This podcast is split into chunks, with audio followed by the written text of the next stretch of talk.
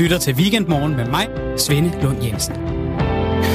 Godmorgen. I dag eh, taler vi om eh, fodboldoptøjer, vi taler om fordomme i folkeskolen, vi skal også tale om eh, bedsteforældre, og så fortsætter vi altså lidt med at tale om ghettoer, som vi havde en god halv time om i går. Alt det kommer vi til i løbet af programmet, men først så skal det handle om noget, der øh, har været øh, ret omtalt det seneste års øh, tid og endelig står færdigt, nemlig vildsvinehegnet. I denne uge blev det her meget omtalte vildsvinehegn nemlig bygget færdigt. 70 km hegn på grænsen til Tyskland, der altså skal holde vildsvin ude. Det blev vedtaget i Folketinget sidste år, at det her hegn skulle bygges som et værn mod afrikansk svinepest, en sygdom, der findes øh, typisk i vildsvin rundt omkring i Europa. Den er blandt andet fundet i Polen, Tjekkiet og øh, Belgien. Og det er altså noget, vi helst ikke vil have til Danmark. Det kan nemlig få store konsekvenser for dansk svineeksport, der i 2017 havde en samlet eksportværdi på over 26 milliarder kroner, eller øh, 3,9 procent af den samlede eksport i Danmark. Det er altså øh, det, det, er, en, det er en stor lunds af det, vi har at rute med i Danmark. Og det er ikke bare en, en så enkel sag, at øh, der er noget, ude i Europa, som vi ikke vil have ind, øh, som kan øh, koste os mange penge på bundlinjen, og, øh, og på den måde også øh, være dårligt for arbejdspladserne. Nej, det er faktisk helt vildt spændende det her, og, og bare fordi at hegnet nu står færdigt, så betyder det ikke, at den uenighed, der har været om hegnet, siden det blev vedtaget sidste år, øh, forsvinder. Prøv at høre her, hvad Brian Andersen siger. Han er lodsejer i øh, Frøslev og lægger land til 1,8 km af det her vildsvinhegn. Det her det er det, han føler, når han kigger ned øh, på sin grund og øh, ser det her hegn? Jamen, jamen øh, jeg synes, det er et, et, et voldsomt slag øh, over en sjæl, at man øh, øh, har fået, den, eller fået det hegn ind på vores ejendom, og, og, og nok skal leve med det i, i, i det uvæse. Og øh, så, så det, er, det er en rigtig trist historie. Før vi kommer så langt, så lad os lige begynde et andet sted, nemlig lidt længere tilbage i historien. Ikke bare sidste år, da det her vildsvin han blev vedtaget. Nej, vi skal lidt længere tilbage. Vi skal høre nu fra Stig Mellergaard. Han er chefkonsulent i Fødevarestyrelsens kontor for dyresundhed, og så har han været sagsbehandler på vildsvinehegnet. Så sidder han også med i EU's veterinærkomité og har ligesom fulgt med i mange af de her beslutningsprocesser om, hvad der sker rundt omkring i øh, Europa med den her afrikanske svinepest. Nu skal vi lige høre lidt om, om vildsvinets historie i Danmark. Danmark har jo været i den situation, at vi ikke har haft vildsvin i øh, ja, faktisk århundrede. Vi har ikke haft vildsvin i Danmark siden øh, begyndelsen af 1800-tallet. Og det skyldes, at da englænderne tog vores flåde i 1807, så fældede vi alle vores eskov, fordi der skulle laves en ny flåde. Og det gjorde så, at vildsvinenes habitat forsvandt. Og så var landbefolkningen var jo rimelig fattig på det tidspunkt, så de nedskød vildsvin for at få noget føde. Og det gjorde, at Danmark faktisk har været fri for vildsvin indtil omkring øh, årtusindskiftet. Ja, jeg havde altså ikke regnet med, at øh, den her historie skulle trække tråde tilbage til, øh, da englænderne tog vores flåde. Det er ikke kun i Danmark, at der er kommet øh, flere og mange vildsvin til. Faktisk så vokser de helt eksponentielt i Europa og har en, en meget høj formeringsrate. Man, øh, man har sådan et, et tal, man opererer med, at øh, man gerne vil have måske et halvt til et helt, øh, et, et enkelt vildsvin til en, hel, til en, en halv til en hel kvadratkilometer. Og øh, i, i Tyskland, der er vi oppe på, helt, øh, på 5 til 10, altså, så der er rigtig mange, og, og i Tyskland øh, har de også givet lov til at skyde vildsvin om natten nu, simpelthen for at prøve at komme noget af det her til livs. Øh, og ifølge Stig Mellergaard, så har vi slet ikke plads til alle de her vildsvin i Danmark, hvis de altså begynder at formere sig, som, øh, som de hvad kan man sige, har øh, for natur, så vil det nemlig begynde at foragere, altså søge mad i skrald. Og det er blandt andet øh, sådan, at den her afrikanske svinepest kan brede sig. Altså der er det her tænkte eksempel, som har været brugt en del i debatten, altså at vi har måske en lastbilchauffør, der har været øh, i Ukraine, eller en, en landmand, der har været i Ukraine og besøgt noget familie og, og spiser en, en pølsemad øh, på madpakken, som han har fået med, og så har han måske lige, du ved, øh, armen hængende ud af vinduet i bilen, kan ikke spise mere, så smider han den. Og der var altså noget, noget afrikansk svinepest i den. Og så er der et vildsvin, der kommer og spiser det, så har det vildsvinepest, og så har smitten altså bredt sig meget, meget hurtigere, end den ellers naturligt ville. Og det er altså faktisk det, øh, der er kernen af, af, hvorfor vi sætter det her vildsvinehegn op, øh, siger Stig Mellergaard. Ikke for at, øh, at holde afrikansk svinepest ude nødvendigvis, men simpelthen for øh, ikke at få vildsvin herhjemme det, det er simpelthen begrundelsen for, at vi bygger øh, vildsvinehegnet. Det er i første omgang sådan set ikke for at holde afrikansk svinepest ude i sig selv, men det er for at undgå opbyggelse af en vildsvinebestand i Danmark. Og det er altså så længe, at, at afrikanske svinepest ligger og lurer derude i Europa. Den her afrikanske svinepest, den vil altså være et øh, overordentligt stort problem, hvis den kommer til Danmark og breder sig til tamsvin. Selv et øh, enkelt øh, udbrud vil have uoverskuelige konsekvenser, siger Stig Mellergaard. Hvis nu der var et enkelt tilfælde af afrikansk svinepest i en stald, så ville man ret nemt kunne slå det ned ved bare at aflive den besætning, men skaden ville allerede være sket. Det første udbrud, der lukker eksporten. Og, og det er jo så der, hvor man kan sige, ud fra teoretiske betragtninger, så øh, når vi har øh, udryddet det her øh, ene tilfælde, så er der hænder til de internationale regler, jamen så kan, øh, skal markederne åbne igen efter tre måneder.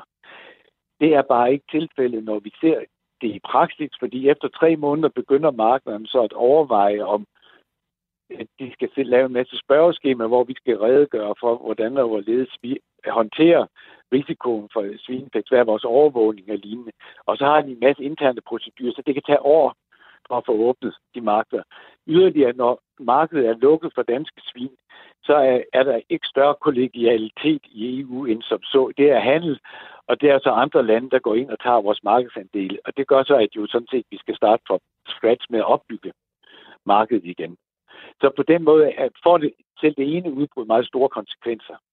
Og den her frygt for, øh, at vi skulle få afrikansk svinepest i de danske svinebesætninger, det er altså noget af det, der... der, der øh, det er jo selvfølgelig derfor, man gør øh, alt det her, bygger et hegn, men, men netop eksporthensynet er noget af det, der fylder rigtig meget. Vi kan prøve at høre et klip med Benny Engelbrecht øh, fra Socialdemokratiet, der øh, sidste år stemte for det her vildsvinehegn. Han var nemlig i TV Syd for at tale om, øh, hvorfor det egentlig skal til det her hegn. Det har været øh, regeringens ønske, og det har været, øh, det har været øh, landbrugets eksplicit ønske, at man sendte et øh, klart signal til eksportmarkederne. Og derfor er det her først og fremmest et symbolsk hegn, som skal sende det signal til udlandet, som, øh, som køber vores svinekød, at øh, vi gør alt, hvad vi kan for at beskytte øh, øh lige præcis øh, landet mod smitte. Og det er altså det, der er lidt, lidt spændende ved det her hegn, det er, at det altså både er et symbolsk hegn, men altså også et, et helt fysisk hegn, der er bygget, og, og som, øh, og som øh, bliver solgt på, at det altså skal holde de her vildsvin ude. Og det er altså lidt interessant, om det kan være både det ene og det andet. Det er altså noget, vi, det, vi, øh, vi kigger på her. Noget af det, som Hein har fået kritik for, det er, at øh, det ligger op af blandt andet Natura 2000-området. Det er beskyttede naturområder i EU, som øh, skal bevare og beskytte vilde dyre- og plantearter. Det er det, der hører under det, der kaldes Habitatdirektivet. Jeg spurgte Stig Mellergaard, chefkonsulent i Fødevarestyrelsen, om, hvad det betyder for biodiversiteten med øh, sådan et hegn. Jamen, der er jo faktisk også taget naturhensyn. Der er jo huller i det her hegn på hver 100 meter, således at alle de smådyr, odder og lignende kan gå igennem. Og så har hegnet jo faktisk lavet et halvanden meter højt, hvor at meget at det meste hjortevild faktisk skulle kunne springe over. Problemet er selvfølgelig måske lige indtil dyrene vender sig til, at hegnet er der, og måske er blevet skræmt af de aktiviteter, der har været der. Men altså, det skulle være lavet således, at øh, sådan noget som i hvert fald krondyr og større hjortevild, de skulle kunne hoppe over hegnet. Og det er en ren Pandoras æske, det her, fordi hver gang vi tager hul på noget nyt, så er der et nyt spørgsmål, der melder sig.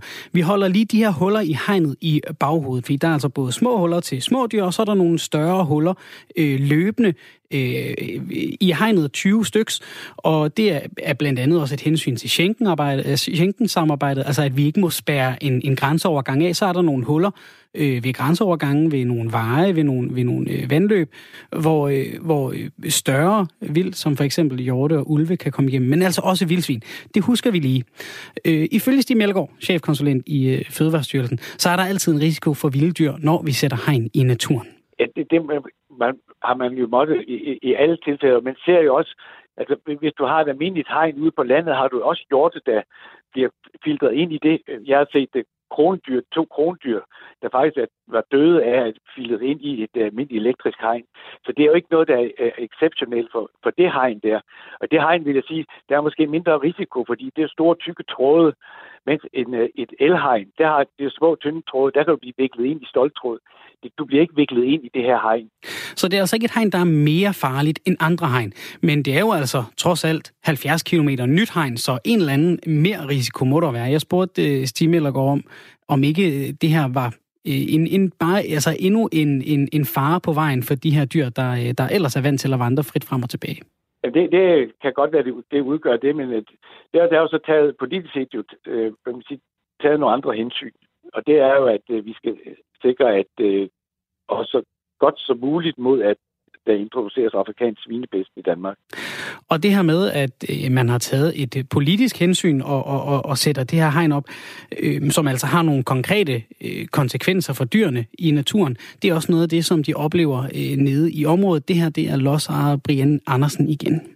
Jamen altså, øh, det, det ødelægger jo hele vildets naturlige trækrute, i det, det er så gennemgående, det hegn er hele vejen simpelthen. Og vi oplever jo allerede nu her, at, øh, at hegn er kommet op, at, øh, at vildt, det, det ligger og kører frem og tilbage med hegn.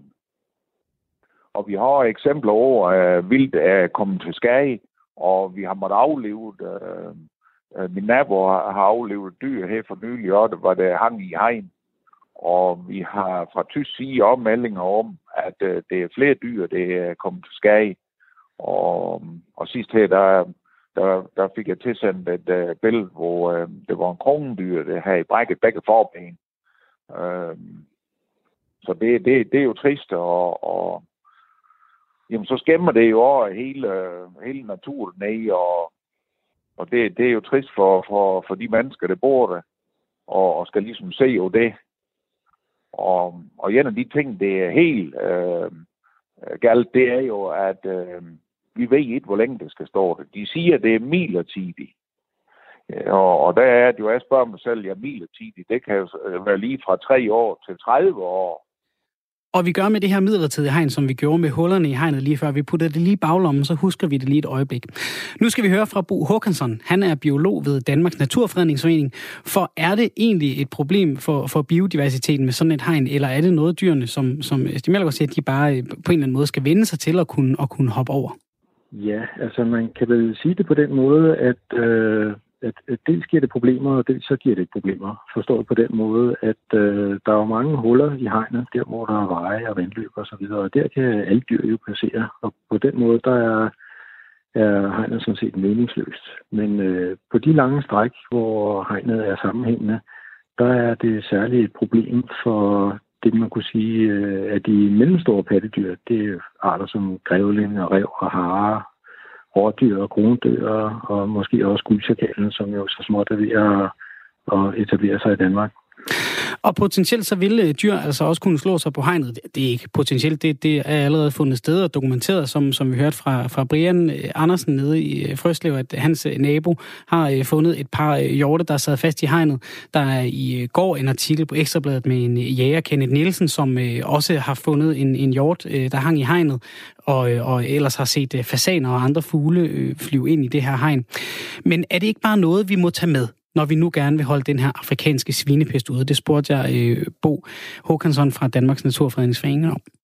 Ja, det er en politisk beslutning, men, men det vi i hvert fald objektivt kan konstatere, det er, at øh, hegnet kan i hvert fald ikke holde vildsvinene ude. Fordi dels kan vildsvinene hoppe over hegnet, og dels kan de passere øh, de steder, hvor der er huller i hegnet ved veje og ved vandløb og så videre, og dels så kan de også svømme over fjordene. Så, så på den måde, der, der giver hegnet simpelthen ikke nogen mening øh, om, om det vil, hvis det virker, om det vil kunne opveje øh, de etiske problemer ved, at, at øh, jordegildet hænger fast i det. Det er jo også en politisk beslutning, men, men øh, det er i hvert fald et kæmpestort etisk problem i vores øjne. Og øh, Bo har sendt mig nogle videoer af øh, vildsvin, der hopper, og det er ganske rigtigt, vildsvin kan hoppe altså overraskende højt. Øh, så det er ikke utænkeligt, at de øh, kan hoppe over det her, øh, det her hegn.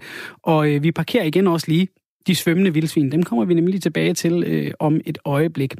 I øjeblikket løber der et sted mellem øh, 30 og 50 vildsvin rundt i Sønderjylland, og der er blevet givet frit til at skyde dem, simpelthen for at undgå, at den her bestand af vildsvin øh, øh, slår sig ned øh, i, i Danmark, og det er altså dem, der potentielt kan fungere som smittebærer øh, op til vores tamsvin, og altså koste eksporten rigtig mange penge og arbejdspladser. Jeg spurgte Bo Håkansson fra Danmarks Naturfredningsforening om, hvad han tænker om, at vi øh, sådan udrydder en art et sted i Danmark af erhverv erhvervsmæssige hensyn? Jamen, det er jo helt klart politiske kriterier, hvor man øh, forsøger at, at tilgodese øh, erhvervsinteresser ved at, at bekæmpe det, man kunne kalde konfliktarter.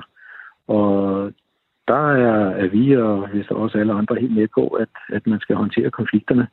og, og også håndtere konfliktarterne, og, og jeg tror ikke, at nogen har protesteret mod, at man, man regulerer øh, det, man kalder øh, problemsæler eller gæs og alle mulige andre arter, som også kan give forskellige former for konflikter. Men her er der jo tale om, at man simpelthen vil udrydde en art, som er hjemmehørende i Danmark, øh, af rent politiske grunde, uden at, at man egentlig kan forvente, at det vil virke efter hensigten. Så på den måde synes vi, at det er utidsvarende og uhensigtsmæssigt.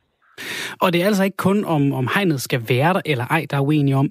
Stig Meller chefkonsulent i øh, Fødevarestyrelsen, han mener, at det virker. Også selvom der var kritik af beslutningen sidste år, så har hegn virket i Europa til at inddæmme de her smittede vildsvin, blandt andet i øh, Tjekkiet, hvor man har slået simpelthen smitten ned ved at, at indhegne dem med, med elektriske hegn. Så, så selvom det ikke var en, øh, en sikkerhed, at det ville virke, det her med hegn, så mener Stig Miller, altså, at tiden har øh, vist, at det var en god beslutning. Hegn har vist sig nu, at det er en effektiv barriere mod afrikansk svinepest. Også. Så, så de erfaringer, vi har fået efter, efter at beslutningen omkring hegn blev taget, de er faktisk bidraget til at sige, at det var en god beslutning. Ikke overraskende er Bo Håkansson, biolog i Danmarks Naturfredningsforening, ikke enig i den betragtning. Jamen, jeg, jeg kan blive lidt bekymret, når jeg hører den gengivelse af, at nogen siger, at, at der er dokumentation for, at hegnet virker andre steder i Europa. Fordi der skal man jo huske på, at der har man sat hegnene op øh, helt op til en allerede smittet bestand for at hindre, at smitten breder sig øh, ind i områder, hvor dyrene ikke er smittet. Altså man har så at sige sat det op lige i brudzonen. Her er der jo tale om, at man sætter et hegn op øh, 400 km fra de nærmeste smittede øh, øh, øh, vildsvin, og, og derfor så, så er der jo ikke nogen, altså hegnet giver jo ikke nogen mening der. Et hegn kunne give mening, hvis man sætter det op, op til et udbrud, så at sige, når, når øh, faren er overhængende. Men, men her har vi et hegn, som bare bliver sat op mere eller mindre et tilfældigt sted ved en landegrænse, øh, mange hundrede kilometer fra, fra aktuel smitte. Så på den måde, så, så har det jo ikke nogen effekt. Øh, så, så på den måde, der, der kan vi jo ikke se, at man har en dokumentation for, at, at det danske vildsvinehegn virker, som det er sat op nu. Og øh, det her, der kommer et, et, et twist i, øh, i historien, fordi øh, de her vildsvin, som vi har, har brugt så meget øh, energi på at, og, og, og finde ud af, hvordan holder vi dem øh, ude af, af Danmark, både ved at, og, og nedskyde bestanden, vi har her, men også altså bygge det her hegn, som var budgetteret til, øh, til 70 millioner kroner, øh, endte med kun at koste omkring 45 millioner kroner. 30 af dem er, er kommet fra øh, erhvervet, fra, fra landbruget. Ja, der er sket en udvikling her i efteråret der er der drevet 13 vildsvin i land på Ærø. Vi ved ikke, hvor de er kommet fra, men vi har ikke testet dem for afrikansk svinepest. Og det forklarer Stig Mellergaard, chefkonsulent i øh, Fødevarestyrelsen, hvorfor her. Problemet her er, at vi ved ikke, hvor de kommer fra. De kan også komme fra Polen. De kan måske komme langt væk fra Øst, eller op i Østersøen, eller fra de baltiske lande, hvor der er afrikansk svinepest. Og så vil vi pludselig få en påvisning af afrikansk svinepest på dansk territorium på nogle dyr, som vi ikke aner, hvor kommer fra. Derfor kan vi, vi kan ikke sige, hvor øh, smitten kommer fra, og derfor vil det blive betragtet som om, at det er os, der har afrikansk svinepest. Så hvad ville der ske bare øh, helt konkret? Hvad ville der ske, hvis vi testede det, de svin, der skyllede op på Ærø, der var afrikansk svinepest i dem? Jamen, så vil vi have nogle store eksportmæssige problemer. I hvert fald, der vil gå et langt stykke tid, hvor eksportmarkederne vil lukke, fordi vi, vi er nødt til at indrapportere, at vi har fundet afrikansk svinepest i nogle døde vildsvin på dansk grund, men som vi egentlig ikke kender noget til, hvor de kommer fra. Og som vi efterhånden har fået etableret gennem de uh, ting, vi har hørt Stig Mellergaard sige, de ting, vi har hørt Bo Håkansson, biolog i Danmarks Naturfredningsforening, sige, så uh, er de sjældent enige omkring det her emne, og det er de altså heller ikke her. Det er nemlig rigtig problematisk, det her, mener Bo Håkansson. Jamen, jeg synes egentlig, det er helt i tråd med de ærgerlige politiske meldinger, der kommer om, at det her det er symbolpolitik, øh, fordi Altså populært sagt, så kan man jo sige, at man, man øh, lukker øjnene, når man kører over vejkrydset og håber på, at der ikke er rødt. Ikke? Altså det, det, det giver jo ikke nogen mening, at man, man siger på den ene side, at man vil være sikker på, at vi ikke får svinepest i Danmark, og på den anden side, så vil man så ikke undersøge øh, vildsvin, der driver i land, som rent faktisk kunne øh, bære den her smitte til Danmark. For eksempel øh, smittet vildsvin, der driver i land med fra, fra smittede område i Polen. Det vil man så ikke undersøge. Og, og det er jo decideret ubegribeligt, fordi øh, døde vildsvin øh, i kysten øh, ved, på Sydfyn og i Øhavet, som måtte være inficeret, der kan man jo bringe smitten videre via rovfugle, ræve og måger og alt muligt andet til øh, fritgående tamsvin. Og, og derfor så er det jo for os er det fuldstændig ubegribeligt, at man, man, øh, at man ikke vil undersøge det. Vi er jo godt klar over, at det er fordi, at, at, at man siger, at hvis vi opdager smitten, jamen, så lukker eksporten. Øh, men, men, men det, er jo, det er jo ikke nogen faglig forklaring. Det er jo sådan et, et politisk at lukke øjnene for, for et, øh, en, en, øh, en smittefare, som man i andre sammenhænge siger, man vil gøre alt for at undgå.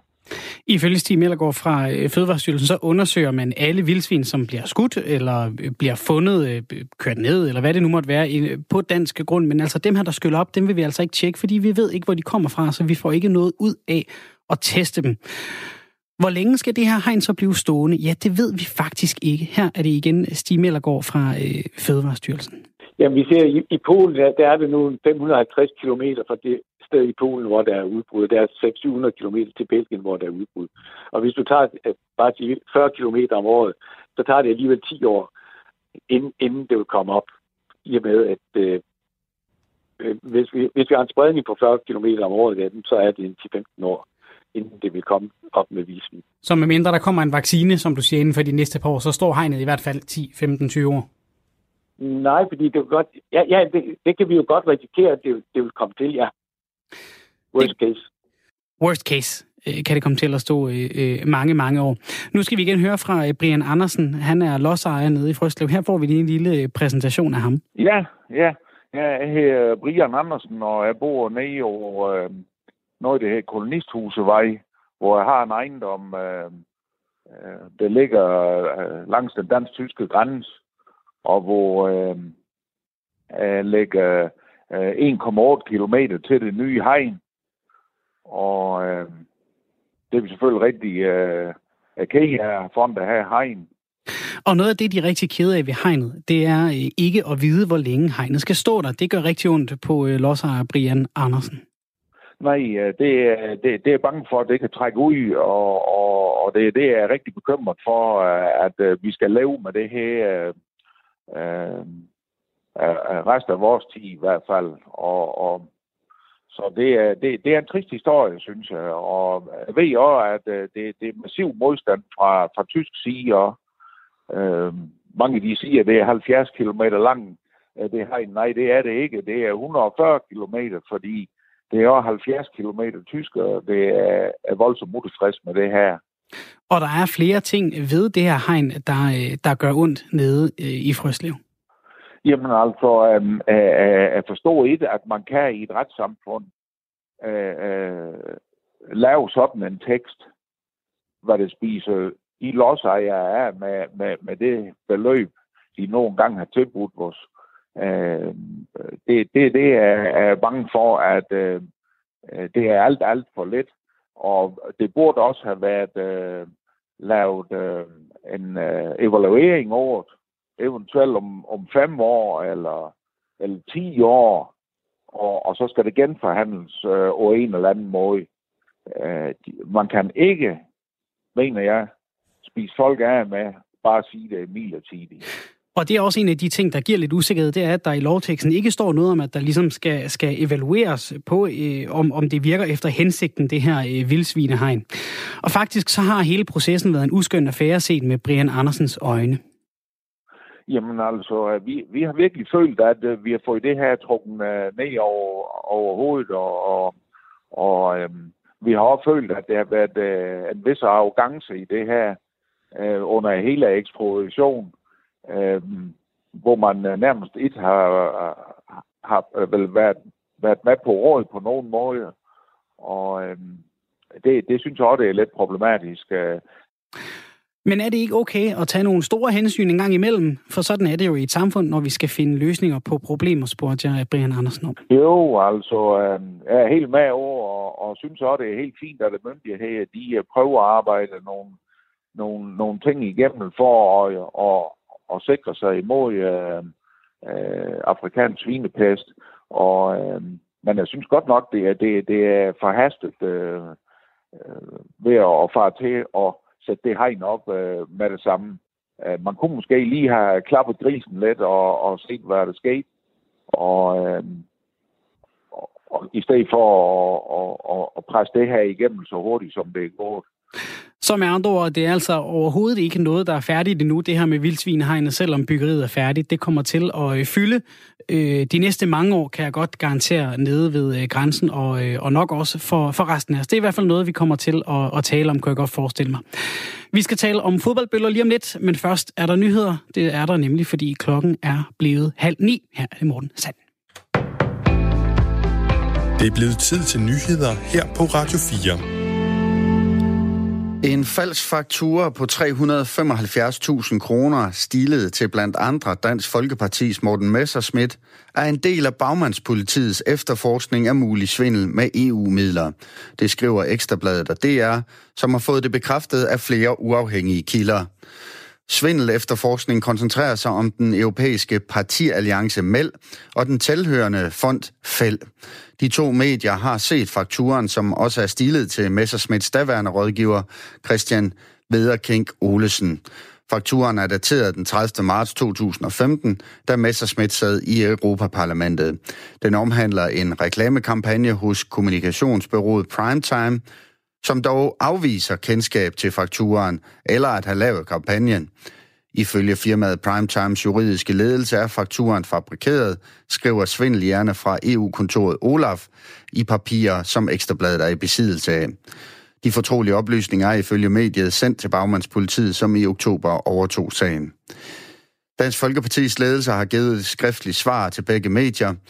Vi er bekendt med, at myndighederne har sådan en faktura, men vi ved ikke, hvorfra den stammer, og under alle omstændigheder ses, det, ses den ikke at være betalt, hvorfor der i hvert tilfælde ikke kan være brugt EU-midler til at dække den regning, står der. Da EU's kontor i oktober fremlagde konklusionerne af den efterforskning, der blev indledt i december 2015, lød det, at Mellerfeld ulovligt har kanaliseret EU-midler for 4,35 millioner kroner til aktiviteter, citat, til skade for EU-parlamentet, citat slut. Morten Messersmith har tidligere kendt fejl i sagen, men benægtet svindel. Bagmandspolitiet har ikke ønsket at udtale sig til DR, og heller ikke Messersmith eller daværende kasserer hos Mel Anders Vistisen har ønsket at udtale sig til hverken DR eller Ekstrabladet.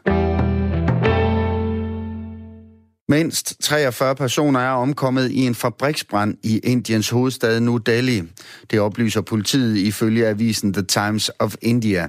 Antallet af omkomne forventes at ifølge politiet at stige. Branden brød ud i en fabrik i de tidlige timer her søndag morgen i millionbyens gamle kvarter. Vi har siden reddet omkring 50 personer, siger Sonil Chodari, der er vicechef for brandvæsenet i New Delhi, ifølge nyhedsbruget AFP. Branden er slukket, men redningsarbejdet fortsætter, oplyser han. Der var fabriksarbejdere, som sov inde i den fire- eller fem etagers bygning, siger han. En politikommissær oplyser, at hovedparten af de omkomne sov, da branden brød ud.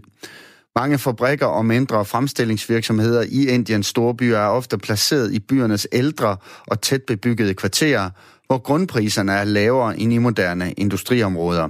Og ofte benytter fabriksarbejderne muligheden for også at overnatte i de bygninger, hvor de arbejder, for at spare penge.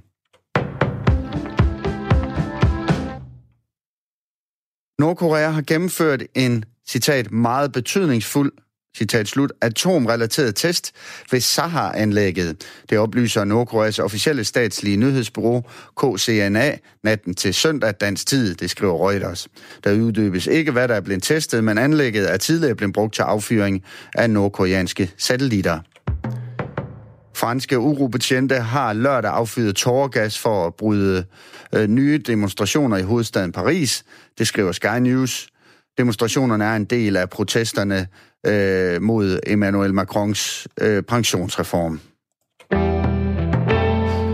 Der bliver overskyet med udbredt regn, temperatur mellem 7 og 10 grader. Du lytter til Weekendmorgen med mig, Svende Lund Jensen. Og nu skal vi til øh, noget, som der ikke er kommet nogen nye statistikker på. Der er ikke kommet en eller anden overraskende rapport, der viser, at wow, her er øh, et problem, der vokser og vokser. Det er egentlig bare noget, jeg har gået og tænkt lidt på. Og det er jo den luksus, man har som journalist, at øh, nogle gange, så kan man få lov til at undersøge ting, man synes er helt vildt spændende og så findes der mennesker, der ved noget om det, som gerne vil, vil tale med en og hjælpe en med at blive lidt klogere. Og det handler om fodboldbøller. Det gør det, øh, fordi for et øh, par uger siden, øh, der var øh, Brøndby i, øh, i Aarhus for at spille fodbold, og jeg kunne se et, et, et meget stort politiopbud, og, og kunne ligesom læse på døgnrapporten, at der var blevet øh, kastet nogle cykler, der var blevet kastet nogle kanonslag, der var blevet råbt nogle ukvemsord efter en betjent, og, og, og det her store politiopbud, som ligesom øh, følger de her fans ud på stadion, det er efterhånden noget, vi, vi er vant til i dansk fodbold, især ved de her højrisikokampe, som, som blandt andet inkluderer derbyet, eller det, det er jo meget øh, FC København-Brøndby, øh, der, der er øh, den, her, øh, den her store konfrontation blandt fans, eller i hvert fald tit ender sådan. Og, øh, og ganske rigtigt runden efter, så skulle de to hold mødes, og øh, allerede tidligt om morgenen på Sankt Hans Torv i København, der endte det med øh, øh, øh, øh kastede cykler og blokerede vejen, og en, en container med ild i, og, øh, og sammenstød med politiet. Og politiet, Københavns politi, kaldte det her lette optøjer. Og jeg så en video, som så mange andre måske gjorde, af de her optøjer, og tænkte, det er da ikke lette optøjer, det er nærmest gadekamp. Og jeg er blevet nysgerrig på, hvorfor er det sådan? Hvorfor accepterer vi, at det foregår i dansk fodbold? Tom Carstensen, godmorgen. Godmorgen. Du er øh, journalist og øh, forfatter. Du har gennem mange år beskæftiget dig med ekstreme miljøer på begge fløje, øh, også øh, i og omkring fodbolden. Du har blandt andet skrevet bogen Hooligan sammen med Jonas Nyhøj. Øhm, kan vi ikke lige begynde med, Tom, bare lige helt kort, så vi ved, hvad vi taler om, få nogle begreber på plads? Fordi der er både hooligans, og der er ultras, og der er fodboldbøller. Hvem er hvad her? Altså hooligans, det, det, den lidt gammeldags korte definition er jo, at det er folk, der tager til fodbold med et formål, der ikke kun er til fodbold, men også for at slås. Øhm, ultras i dansk henseende er, er øhm, for, det er folk, der går meget op i, i øh, den visuelle og den øh, kan sige, lydmæssige stemning på stadion med blues, altså noget blues og røgbomber og så videre. Det sker så nogle gange, specielt hvis du kommer sydpå, at der ligesom er en form for overlap øh, mellem, mellem de to øh, begreber. I Danmark har det nu været relativt adskilt. Og det er, det er ligesom det, det vi har. Så, så når, øh, når vi nu har øh, nogle øh, fans, der går fra, fra stationen ud til stadion, og måske kaster nogle kanonslag eller vælter nogle cykler, hvem, hvem vil det så typisk være? Altså, hvad, hvad kalder vi dem? Ja, det, det, det kan jo, altså, det er jo mudret lidt sammen på de dage der, og det er jo sammen i en stor flok. Som regel er der jo begge dele repræsenteret, men altså, man kan sige, hvis du slås, så, så er det jo, så, så synes jeg jo, det er defineret som, som huliganisme, ikke? Øhm, altså, kaster nogle kanonslag, det, det ved jeg ikke, hvor den her, det, det er jo ikke specielt behageligt, men det er jo ikke nødvendigvis, øh, det er jo ikke nødvendigvis nogen, der slås, der gør det. Du kan godt øh, fyre, fyre fyrkeri af, øh, uden at du slås, så, så det, det, det, det kan godt være det, der værd. Og du har i, i forbindelse med, med den her bog, øh, Hooligan, øh, brugt meget lang tid i de her miljøer sammen med, med nogle af de her mennesker. Hvad er det for nogle mennesker, hvis vi skal prøve at, at fortælle, jamen, hvad, hvad er det for en, en type øh, person, der, der bevæger sig i de her miljøer? Øh, unge mænd primært i hvert fald, og, og altså, der er ikke sådan en arketype, at de alle sammen laver det her til lavligt. Det er sådan meget blandet, hvad, hvad, hvad det er for nogle baggrund, de har, øhm, og også erhvervsmæssigt. Altså, der vil nok være en over... Jeg, jeg tror, det synes jeg har oplevet en overrepræsentation af, altså, måske manuelle hånd, også mødt øh, jurastuderende, pædagogstuderende, øh, sågar højtstående ingeniør. Øh, så det er ret blandet i Danmark, hvad det er for nogen. Øh, men altså, det er primært med unge mænd fra, fra 18 til, til 30, ikke? Som, som deltager i det her. Der har også det der med at ske, at folk falder af fra igen, når der kommer, altså, kommer familier og det ene Altså, så kan det godt være, at konen ikke synes, det er så sjovt. Man ligger og bruger en halv, halv weekend hver weekend på at tage til, til Jylland for at se fodbold og slås, når der er kommet en familiefølelse, for eksempel. Hvad er det, de her, hvad er det, de her, de her mennesker får ud af, af den her fællesskab og den her, det her afløb, som, som det jo så er på en eller anden måde? Det er i hvert fald netop det, du siger, fællesskab er meget stort. Altså, de har, der sker et eller andet, når man slås sammen. Altså, det er ikke, fordi jeg selv har gjort det, men det kan vi lige se, vi få undersøgt det. Vi find, find, altså, vi har, vi fundet ud af ved at undersøge ved at tale med dem og ved at læse øh, forskellige øh, folk, der har forsket i det. Der sker noget op i, der sker nogle, nogle, en sammenholdsfølelse. Man får en anden sammenhold med folk, man har kæmpet side om side med. Det samme, det er samme med faktisk gældende soldater, som, tager, altså, som, som er i krig sammen. Øhm, fordi rationelt set giver det heller ikke specielt meget mening at ville tilbage til til, til en ørken og blive skudt på af Taliban, men det er der altså nogen, der gerne vil, og der er blandt andet samarbejdsfølelsen, at de, de får et enormt, eller sam, sammenholdsfølelsen, de får et kæmpe tæt, tæt sammenhold, og så er der også noget, simpelthen decideret nogle, øh, nogle øh, altså udskilt nogle, nogle hvad hedder, hormoner i kroppen, dopamin, adrenalin, som nogle af dem også bliver afhængige af, øh, af det her rush, de får, når, når de slås. Så det er sådan to store faktorer. Og det kan jo være, Tom, jeg bare er, er, er lidt, lidt for, øh, for almindelig, men jeg synes jo, der er kæmpe forskel på at være i Helmand-provinsen og så tage til Esbjerg for at se fodbold. Mm. Øhm, Absolut. Hvorfor har vi bare accepteret, at, at det her følger med fodbold? Ja, det var, det var ikke for at sidestille de to ting, det er mere for at sidestille de faktorer, okay, der sker, den måde, man agerer som gruppe på. Men ja, nu er Esbjerg ikke det mest spændende sted i verden, synes jeg selv, men, men det er klart, det er ikke det samme som Afghanistan. Øh, og hvorfor vi har accepteret det? Ja, det ved jeg egentlig ikke. Altså, det, jeg ved heller ikke, de var ikke decideret accepteret, kan man sige. Der skal ikke ret meget. Altså, der, der, er der er jo masser, der fordømmer det, og der er hver eneste gang, der sker noget, så snakker vi om, hvem skal betale, og vi har en masse politikere, som jo også rigtig gerne vil tale om det. Nogle gange vil de også tale så, så meget om det på tidspunkter, hvor, hvor tallene, nu du selv det med statistikker i starten, men nogle gange vil de også tale enormt meget om det på tidspunkt, hvor statistikken så faktisk viser, viser at der er 10 procent af de anholdelser, der var for 12 år for inden, men alligevel så er det da noget, man ikke er ked af at snakke om fra politisk side, vil jeg sige. Øh, vi havde også en justitsminister, som for ganske nyligt øh, havde enormt travlt med at få lavet nye, altså Søren Pape, der havde enormt travlt med at få lavet nye tiltag og lægge video op om, at det var forfærdeligt øh, med de her slagsmål. Problemet var, så var det videoer fra Polen, han lagde op, der ikke havde noget med Danmark at gøre, og samtidig så viste vi altså, havde vi talt, der viste, at der var faktisk færre anholdelser. Så jeg synes jo ikke, det er accepteret øh, sådan bredt, øh, og øh, det, det, tror jeg da ikke i hvert fald, det er. Det sker, det er klart, det sker en gang imellem. Jeg har ikke mit indtryk, at folk synes, det bare skal have lov til at ske. Og, og som du siger, det går jo fint statistisk set, altså og meldingen fra politiet er generelt, at det er trygt at gå til fodbold i Danmark, øhm, og, og det er forholdsvis sjældent. Nu så vi det for et par år siden øh, med en, en Brøndby FCK-kamp, at der rent faktisk var optør inde på stadion, men typisk så er det jo uden for mm. stadion, at, at, at det sker. Er det, er det bare mig og Søren Pape og forsideredaktørerne på formiddagsaviserne, der overdriver problemets størrelse i Danmark? Altså, det er i hvert fald øh, noget, der sælger billetter øh, for, for, for, på toplyderaviserne, i hvert fald EB og BT, kan man se. Øh, og, og ja, altså, det, ja, altså, det, decideret overdrivet, ja, det er sket blandt andet fra Søren Papes side, hvor, hvor man gik ud med et, øh, nogle nye tiltag om, nu man gør så så meget mere, samtidig med, at man udmærket havde, man havde nogle statistikker, som man ikke havde offentliggjort nu, der viste, at det rent faktisk var nedadgående. Og det synes jeg selv er sådan en underlig måde at gøre ting på. Men det er, det er sådan noget, det er en vindersag. Der er ikke ret mange fodboldfans, der siger, prøv lige hør her, altså det, det, er faktisk blevet bedre. Der er ikke så mange, der egentlig sådan, kan svare igen, så at sige, når det sker. Og så kan Søren Pape og Trine Bremsen og andre er ret lidt stå og sige, uh, det er også forfærdeligt, vi må gøre noget ved det. Ja, selvfølgelig skal der gøres noget ved det, når der er nogen, der gjorde, som de gjorde på Brøndby Stadion der. Heldigvis er det ikke ret tit. Og ja, der sker noget en gang imellem, og det er primært med de to kampe, eller de to hold, når de mødes, at der, der, der, er sådan nogle, der kommer nogle, nogle, nogle toppe af urolighederne, som ellers ikke sker til dagligt. Øhm, altså, der er jo ikke... Ja, altså, og det er et billede mange andre steder. Altså, I England for eksempel er der ikke udkommanderet ekstra politi til halvdelen af kampene i de fire bedste rækker, øh, fordi det simpelthen ikke er nødvendigt, og det er det jo heller ikke til Der er mange kampe i Danmark, hvor det bestemt heller ikke er nødvendigt, skal det lige sige. Når ja. Hobro Horsens møde, så tror jeg heller ikke, at man har sat, sat øh, 10 ekstra mandskabsvogne på. Altså, det er jo heldigvis ikke så tit. Men det er jo netop øh, øh, noget af det, som, som jeg undrer mig over, fordi du har, jo helt ret, det, det, er jo, det, er jo ikke, det er jo ikke hverdag i dansk fodbold, at der er øh, store slåskampe øh, før og under kampene, men, men der er stadigvæk et, et, et, et, en, en god tilstedeværelse af politi. For eksempel til, øh, til i 2016 brugte Københavns politi, eller forventede Københavns politi at bruge 20.000 mandetimer fordelt på ni kampe. Det løber op i en udgift på lige over 5 millioner kroner, med et politi, der er presset med grænsekontrol og terrorbevogtning, og hvad har vi? Så er det alligevel også en udgift for os alle sammen. Og jeg har svært ved forstår det der med, at der findes nogle mennesker i Danmark, som ikke kan gå til fodbold, uden, når de får øje på de andre mennesker, der også skal til fodbold, har lyst til at slå dem i hovedet. Jamen, jamen, det er jo, altså, det er jo fordi, det, det er jo heller ikke logisk. Det er jo ikke en logisk handlemønster at gøre. Øhm, og, altså, det er det jo ikke. Det kan, jo, altså, det kan de fleste nok blive om. Men det er der også nogen, der, der er også nogen, der gør det her og ved det her. Og, og ja, det er jo kriminelt. Og, altså, hvis det foregår uden for stadion, så må klubberne jo ikke engang blande sig. Øh, de må ikke engang have, nærmest ikke have vagter, der, der agerer på offentlig vej. Vel? Så, så ja, så der kommer nogle mandetimer ind, om det er de rigtige antal, der kommer. Det kan man sikkert altid diskutere. Jeg har da også været til kampe, hvor jeg kom så FCK-fans i Esbjerg, hvor der holdt 10 mandskabsvogne. Der havde måske været brug for en, hvis overhovedet.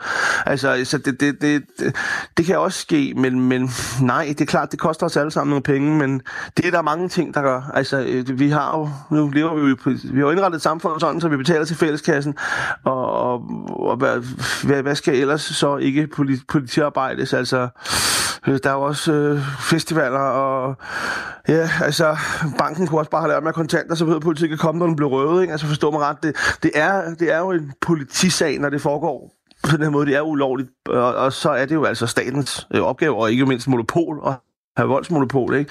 Så nej, det er selvfølgelig ærgerligt, det koster nogle penge, men det ja, jeg, du kan også selvfølgelig gøre som, altså sige, så skal klubberne betale, men det, mm. så vil en del af klubberne, altså det vil være svært for dem at få til at hænge sammen ganske enkelt. Så god forretning er det ikke at lave, lave fodboldforretning i Danmark. Det kan du godt gøre i England, fordi de har så mange flere penge. Mm. Det kan ikke lade sig gøre i Danmark, det tror jeg simpelthen ikke på. Og man kan også argumentere for, at det gør klubberne selv, så det er en form for dobbeltbeskatning, for de betaler jo i forvejen. Altså FCK, Brøndby betaler jo skat, altså, mm. når de har overskud, ikke? Øhm, så ja, det, det er den evige diskussion. Jeg tror ikke, det vil være specielt konstruktivt for dansk fodbold i hvert fald. Hvad er det, Tom øh, Carstensen, øh, journalist og forfatter, og, og, som en, der har bevæget sig i sådan nogle ekstreme miljøer, og også har været rigtig godt inde i de her, øh, de her fodboldfanmiljøer. Hvad er det, som jeg ikke forstår ved de her mennesker og deres måde at se fodbold på? Nå, ja, altså det, du forstår ikke, hvorfor, du, synes, hvorfor de synes, det er fedt at slås. Øhm, og det, det er der jo mange, der ikke forstår. Og, og det gjorde jeg heller ikke selv i starten. Jeg er ikke sådan, at jeg forstår det, altså jeg synes, det er en god idé i dag, men jeg har fået mere indblik i, hvorfor, hvorfor de gør det, de her mekanismer, det her sammenhold. Øhm, men det bliver det jo ikke lovligt af. Altså, det er klart, det, det, det gør det jo ikke. Øhm, og det er klart, når politiet, øh, det politiets arbejde at stoppe det, og det gør de jo så også, vil jeg sige, med for diverse øh, tiltag, og vi har fået huliganregister og så videre, så, så, så, så, så det er jo rent faktisk, de gør en masse for at stoppe det, men forstå det, det kommer den almindelige dansker nok aldrig til, og den er det jo med mange subkulturer. Øhm, øh, det, jeg, jeg forstår heller ikke, øh, hvorfor, hvorfor man har lyst til at, at dyrke MMA i en ot kantet ring og banke hinanden i kasketten, eller gå til boksning, men der er jo bare nogle mennesker, som har lyst til noget andet og noget vildere end os andre, der måske lever i lidt mere beskyttet værksted, øh, hvor vi skal hente ungerne klokken 4 og så videre. Det er da måske også en af grundene til det faktisk, at der er nogen, der trænger til noget ekstra, fordi det hele er så, så pænt og, og beskyttet nu om dagen, tror jeg. Og hvis Man, vi lige skal... der oplever mange, der har det sådan. Og hvis vi skal prøve at tage et, et, et sidste skridt ind i og prøve at forstå, øh, hvad der sker øh, for, for de her, de her øh, mennesker, der, der går til fodbold og kommer op og, og toppes, ja, så er det jo ikke altid de andre fans, de kommer op og toppes med, så er det altså også nogle gange politiet. Hvad er det, der sker i det forhold, øh, politiet og de her, de her øh, grupperinger imellem? Hvorfor, hvorfor har de så let ved at komme på kant af hinanden?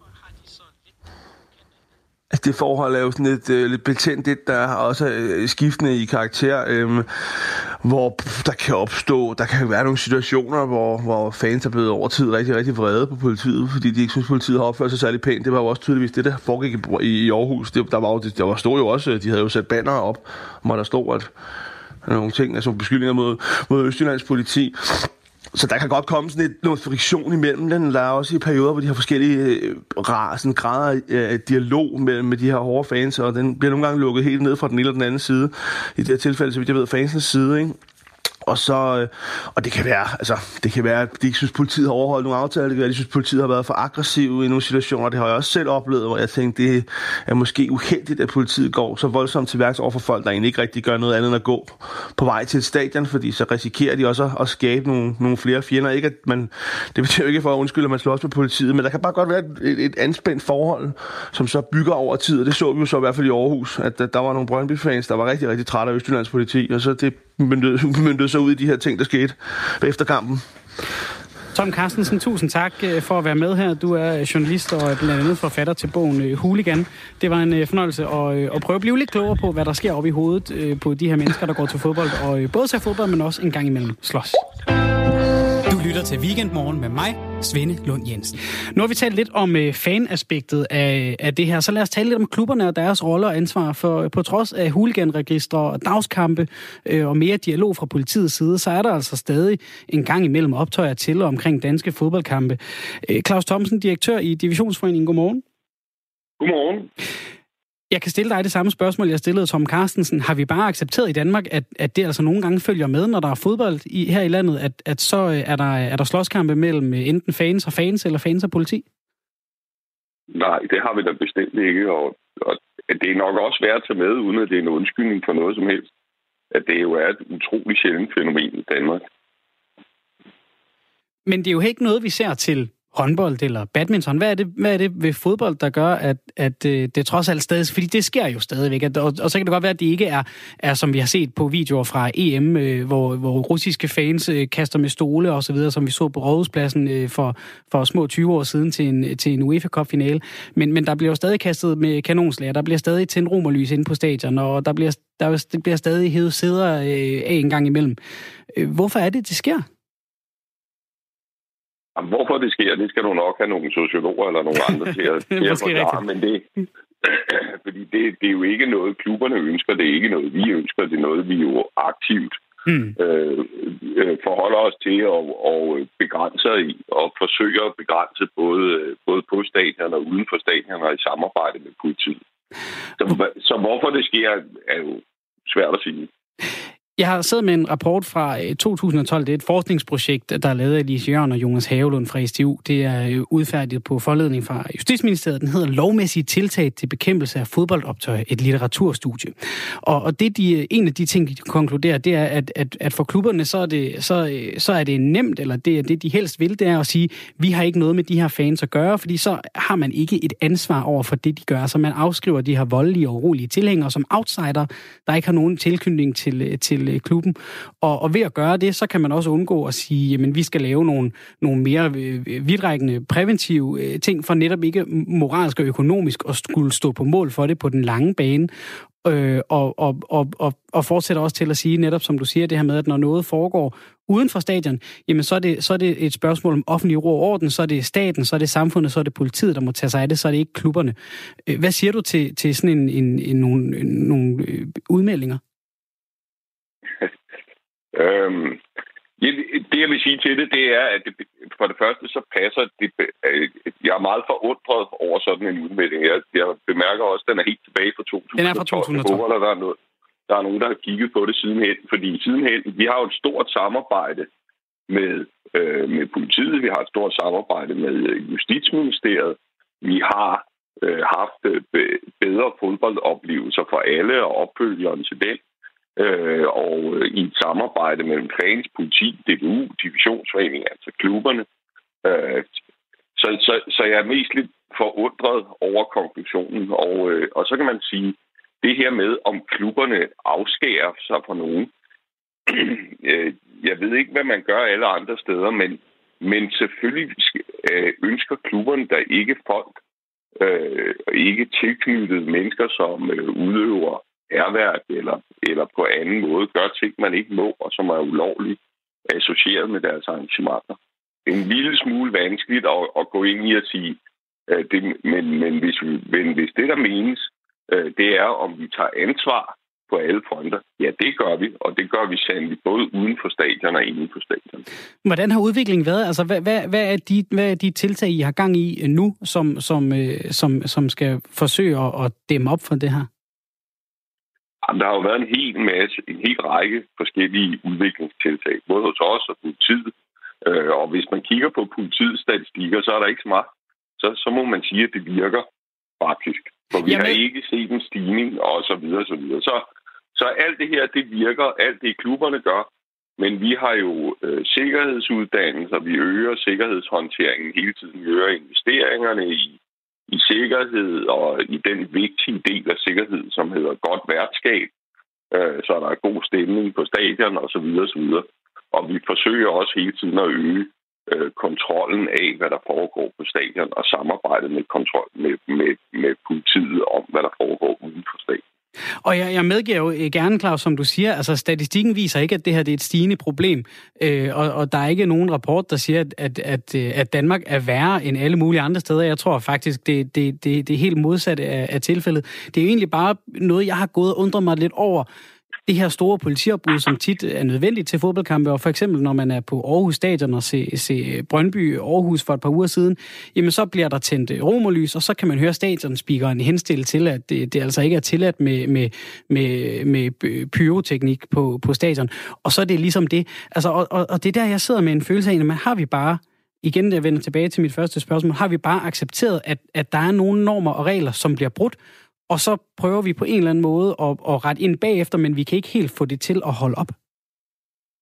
Nej, det har vi ikke. Øh, og pyroteknikken er, er øh, selvfølgelig det største problem, vi har inde på, øh, på stadion i dag. Det er der ikke nogen tvivl om. Og, og det er jo et stort problem, alene fordi det er farligt. Og, og det er så et stort problem, fordi det er ulovligt. Der er, det, der er nogle ting med det her, som gør, at det teknisk set også er svært at håndtere. De her ting er ikke ret store. Øh, de kan komme ind på en hel masse forskellige måder, og der er jo ikke andet at sige til det, det bliver vi nødt til at arbejde videre med. Vi bliver nødt til at arbejde videre med, øh, med dialogen med øh, dem, der anvender det, om at prøve at lade være, fordi det, det er ikke så enkelt bare at identificere nogen. Øh, vi gør det faktisk. Vi har også øh, obligatoriske ordninger, hvor hvis nogen kan identificeres, jamen, så skal de have en afgift, som vi er enige om, og vi har Øh, juridisk opfølgning på og obligatorisk juridisk opfølgning på det og aftaler med advokatfirmaer om, hvordan man gør osv. osv. Men vi er nødt til at have vores grundlag på, på plads hele tiden. Så vi skal både øge vores øh, indsats den vej rundt og se, hvad, hvad kan vi gøre for at få gjort noget ved det her. Og så bliver vi også nødt til at gå dialogvejen med, øh, med, de, med, med dem, som anvender det her, for at få dem til at forstå, at øh, et, er det ulovligt, Øh, to er det, er det jo farligt og risikabelt, og det er jo det sidste, som, øh, som, som er meget vigtigt at få, få folk til at forstå, at det her ikke bare er noget, man kan stå på en tribune og håndtere ansvarligt, øh, fordi man selv synes, man er dygtig øh, til det. Men det er en vanskelig dialog at have, fordi at det er jo ikke et dialog, der i udgangspunkt er ønsket fra dem, der benytter de her ting. Tusind tak, øh, Claus Thomsen, direktør i Divisionsforeningen, for at du var med her og gør os lidt øh, klogere på emnet. Klokken er øh, så småt ved at være ni. Vi skal lige nå en sidste ting, inden vi skal have nyheder. Det er nemlig vores øh, julekalender, som er et, øh, et lille nedklip af Lobbylands øh, programmer med EU-parlamentarikere. Øh, I det her afsnit er det igen, ligesom i sidste uge, Rit Bjergård og Bertel Hårder, der her øh, taler om, om de føler, at EU øh, nogensinde er gået for langt.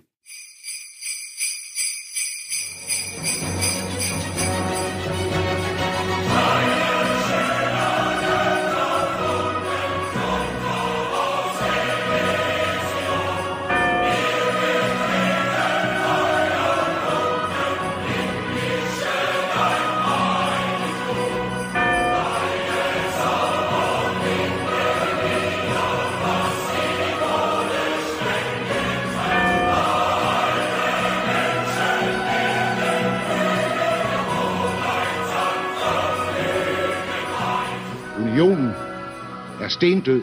Ho, ho, ho, ho. Altså, jeg har et princip om ikke at fortryde. Jeg, jeg, jeg tror, at øh, når man bliver gammel, og, øh, og jeg er 78 nu, så øh, kan man få meget tid til at gå med at sidde og tænke over alt det, man skulle have gjort anderledes, og der kunne jeg også, og der kunne jeg også. Og det tror jeg ikke fører til, øh, til noget som helst. Så der er ikke noget af det, jeg har været med til, som, øh, som jeg fortryder. Så jeg håber, Bertel han har noget ikke rigtigt. Nej. Fordi jeg synes egentlig, at jeg var meget aktiv på flere fronter, og så beskæftigede jeg mig med menneskerettigheder og med udenrigssager, hvor der virkelig er grund til, at de europæiske lande samarbejder. Og så var der jo alle de myter i Danmark om krumme agurker og alt det skrækkelige, som EU havde gjort. Og der elskede jeg jo at udgive små pamfletter, hvor jeg imødegik de myter. For hvem var det, der kom med agurkestandarden? Det var Danmark. Og hvem var det, der ville have lavet en juletræsstandard, hvis ikke vi havde forhindret det? Det var Danmark. Altså Danmark har været i den grad forgangsland, når det gælder at producere EU-regler. Fordi det beskyttede vores producenter. Lego var stærkt aktiv i forbindelse med legetøjsdirektivet, for jo mere man kunne slippe for konkurrenter, der havde dårligere kvalitet, jo bedre var det for Lego. Altså det er jo hele diskussionen om, øh, om det indre marked, som har været en, øh, en kæmpe succes, og som er de vanskeligheder, englænderne nu øh, ryger ind i, og det man kan se Brexit øh, drejer sig om, nemlig kan de alligevel på en eller anden måde være en del af det indre marked. Og det er selvfølgelig, fordi det er et øh, stort øh, marked på næsten 400 øh, millioner indbyggere med fælles regler. Og det betyder selvfølgelig, at det er jo ikke ligegyldigt, om man får en kasse med krumme agurker, fordi der kan jo ikke være nær så mange i, som hvis de er lige. Så derfor er der et ønske om, at øh, agurkerne skal være lige.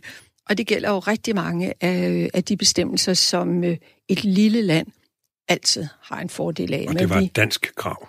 Ja, ja, men vi står jo over for nogle, øh, nogle udfordringer. Men nu er de fordi, afskaffet, de regler. Ja, nogle af de... Marianne Fischer afskaffede dem. Okay, men nogle af de øh, udfordringer, øh, vi står over for, det er jo diskussionen om øh, minimumsløn. Det er noget skidt i de nordiske lande, som har en meget stærk øh, tradition med øh, fagbevægelsen, om at det er et øh, organisatorisk øh, spørgsmål, som, øh, som man klarer af, og ikke lovgivning mens øh, de andre lande i øh, EU har det som lovgivning, og selvfølgelig er interesseret i, at der er øh, minimumsregler. Og det, det er ikke nogen øh, nem sag at finde et øh, kompromis i. Så det er et af de steder, hvor du tænker, her kan EU gå for langt? EU kan gå for langt i forhold til, øh, til Danmark og øh, den model, vi har opbygget, men jeg er jo en øh, stor fortaler for... Det var, hvad vi nåede af det, der har arbejdstitlen Danmarks kedeligste adventskalender. Vi skal nemlig have nyheder med Morten Sand. Det skal vi, fordi klokken er blevet ni.